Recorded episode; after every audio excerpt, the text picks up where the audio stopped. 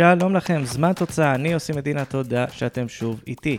לפני שנצלול לנושא של הפרק, נזכיר לכם שאפשר למצוא את שאר הפרקים בכל אפליקציית פודקאסטים אפשרית, ועוד המון תכנים, גם בפייסבוק בעמוד זמן של מספרים, גם בחשבון הטוויטר שלי. כל השבוע עלו דברים יפים, קונפרנס ליג. אני מקליט את הפרק הזה לפני הטיסה לאלבניה, ואתם מאזינים לו אחרי שכבר טסתי לאלבניה, ואחרי גמר הקונפרנס ליג, ועוד הרבה דברים שראיתם לאורך השבוע והשבועיים האחרונים ליתר. בשביל הגמר עם האירופי, ועכשיו אנחנו עם הדבר האמיתי, גמר ליגת האלופות. עכשיו, אל הפרק. תראו, לריאל מדריד יש היסטוריה מפוארת במפעלים האירופיים. מפוארת מאוד אפילו.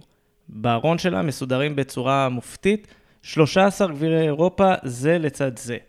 ברקע יש אפילו שני גביעי וופא, על אחד מהם שמעתם בפרק 24 על הישראלים שהגיעו לגמרים עם דוד פיזנטי וקלן שלא הצליחו להתמודד מולה.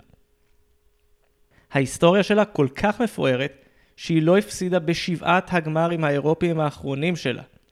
היום, היום נחזור דווקא אל ההפסד האחרון שלה. הוא היה בזירה אחרת לגמרי, בעולם אחר, וגם הדרך לשם שונה לגמרי. ב-1982, ריאל מדריד נכשלה בניסיונה לזכות באליפות כשהיא רואה את ריאל סוסיידד עוקפת אותה ואת ברצלונה בדרך לתואר.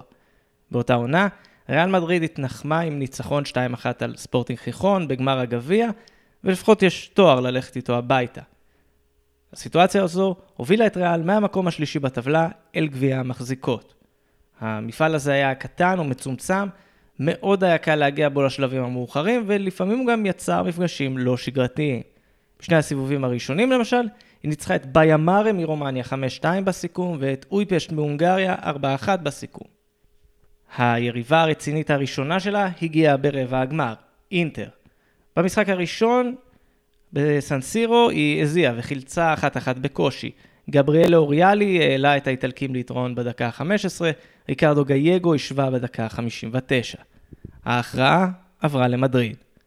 אינטר שוב כבשה ראשונה לסנדרו אלטובלי עם השער בדקה ה-20, ואז בכמה דקות מופלאות ריאל חזרה לעצמה.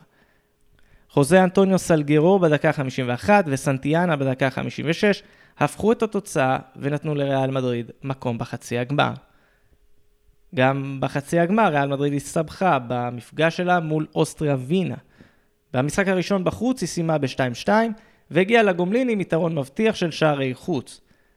לזה התווסף שער מהיר של סנטיאנה בברנבאו בגומלין. בדקה ה-68 משהו התחיל לחרוק עם שער עצמי של חואן חוזה, אנחנו באחת אחת. ריאל התאפסה על עצמה, כבשה פעמיים משערים של חואניטו בדקה ה-71 וסנטיאנה בדקה ה-83, 3-1 במשחק, 5-3 בסיכום, ריאל מדריד בגמר גביע המחזיקות. הכל היה ערוך ומוכן לגמר שבו היא תהיה פייבוריטית ברורה. ב-11 במאי היא עלתה על קר הדשא של הניה אולבי בגטבורג, שוודיה, למשחק מול אברדין. וכאן צריך להסביר מי הייתה אברדין של 1983. בשנות ה-80 אברדין הפכה לכוח העולה של הכדורגל הסקוטי. היא זכתה בגביע המקומי שלוש פעמים ברצף, ב-1982, 3 ו-4. ברקע היא גם זכתה באליפויות. ב-1980 היא זכתה באליפות וקטעה רצף של 14 תארים לשתי הקבוצות מגלזגו. ב-1984 היא שוב זכתה, והפעם גם השלימה דאבל. מי שעמד על הקווים בימי השיא של אברדין היה מאמן צעיר. הוא נכנס לתפקיד בקיץ 1978, בגיל 36. זה היה אחרי ארבע עונות בהן אימן בסנט מירן, הוביל אותה מהליגה השנייה לראשונה, אבל לבסוף הוחלט לפטר אותו כי הוא לכאורה העביר כספים בצורה לא מבוקרת לשחקנים. למאמן הזה קראו אלכס פרגוסון. הדרך של אברדין לשלב הזה הייתה מיוזעת הרבה יותר. 1-0 על דינמו טיראנה, 3-0 על לך פוזנן, ואז רבע הגמר מול באיירן מינכן. במשחק הראשון במינכן שתי הקבוצות נפרדו ב-0-0, והגומלין בסקוטלנד הפך למשמעותי הרבה יותר. קלאוס אוגנטלר העלה את באיירן ליתרון ראשון בדקה העשירית. ניל סימפסון איזן בדקה ה-39. דקה 61, האנס פלוגלר מחזיר את היתרון והברדין צריכה להבקיע פעמיים כדי לעלות. אז היא עושה את זה כמו שרק קבוצות של פרגוסון יודעות. אלכס מקליש, דקה 77, ג'ון יואיט, דקה 78. אברדין מנצחת 3-2 ועולה לחצי הגמר.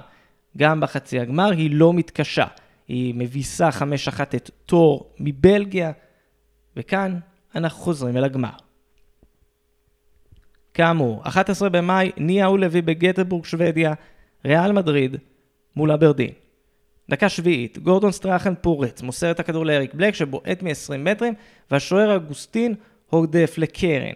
סטראחן ניגש לבעוט, הכדור פוגע בראש של אלכס מקליש ומשם לאריק בלק, אברדין עולה ליתרון ראשון, 1-0. עוד 7 דקות טובות, אנחנו בדקה 14. אלכס מקליש מנסה למסור לאחור לשוער ג'ים לייטון, אבל בגלל תנאי המגרש הבוציים הכדור נתקע, וחלוץ ריאל מדריד סנטיאנה ניסה להגיע לכדור. לייטון גלש אליו.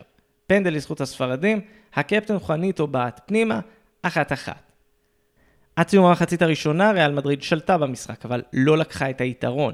המחצית השנייה הייתה יותר מאוזנת, אבל אף אחד מהצדדים לא מצא את הרשת ואת ההכרעה. לכן, הולכים ל-30 דקות נוספות של משחק. ואז זה קורה בדקה 112. פיטר וויר מוסר למרק מגי, שפורץ באגף שמאל. ברגע הנכון הוא מגביה את הכדור לרחבה, וג'ון יואיט מניח את הראש באלגנטיות בדרך לשער ניצחון ענק של אברדין. הסקוטים חגגו, ובפעם האחרונה בהיסטוריה ריאל מדריד יורדת מגמר מפעל אירופי בתור המפסידה. כמעט 40 שנה אחרי, ריאל מדריד לא תרצה להרוס לעצמה את המאזן היוקרתי. האם לליברפול יש את מה שצריך כדי לעשות את זה? אז זה היה עוד פרק של זמן תוצאה, אני עושים מדינה, תודה לכם שהאזנתם. כאמור, אנחנו בכל אפליקציית פודקאסטים אפשרית. חפשו זמן של מספרים בפייסבוק, אל תשכחו את חשבון הטוויטר שלי, הכל שם. וכמובן, אני כרגיל מחכה לשמוע מכם תגובות, תהיות, רעיונות לפרקים. מחשבות שלכם, געגועים לאברדין. הבמה שלכם היא לגמרי פתוחה. הפרקים הבאים כבר בדרך אליכם מתחממים, מתחממים, מתחממים.